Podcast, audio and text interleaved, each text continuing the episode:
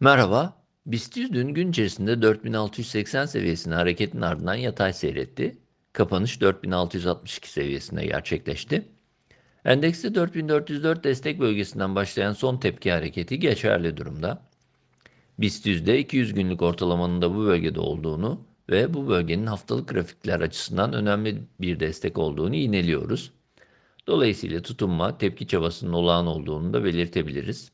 Bununla birlikte BIST'te kısa periyotta yeni bir iyimserlik gelişebilmesi için 4700 seviyesi üzerine geri dönüşü gerekli görüyoruz.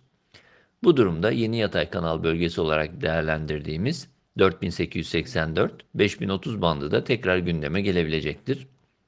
Bu bandın üzerinde gerçekleşecek bir kapanışı ise yükseliş yönlü hareketin devamına yönelik oldukça güçlü bir sinyal olarak değerlendiriyor olacağız.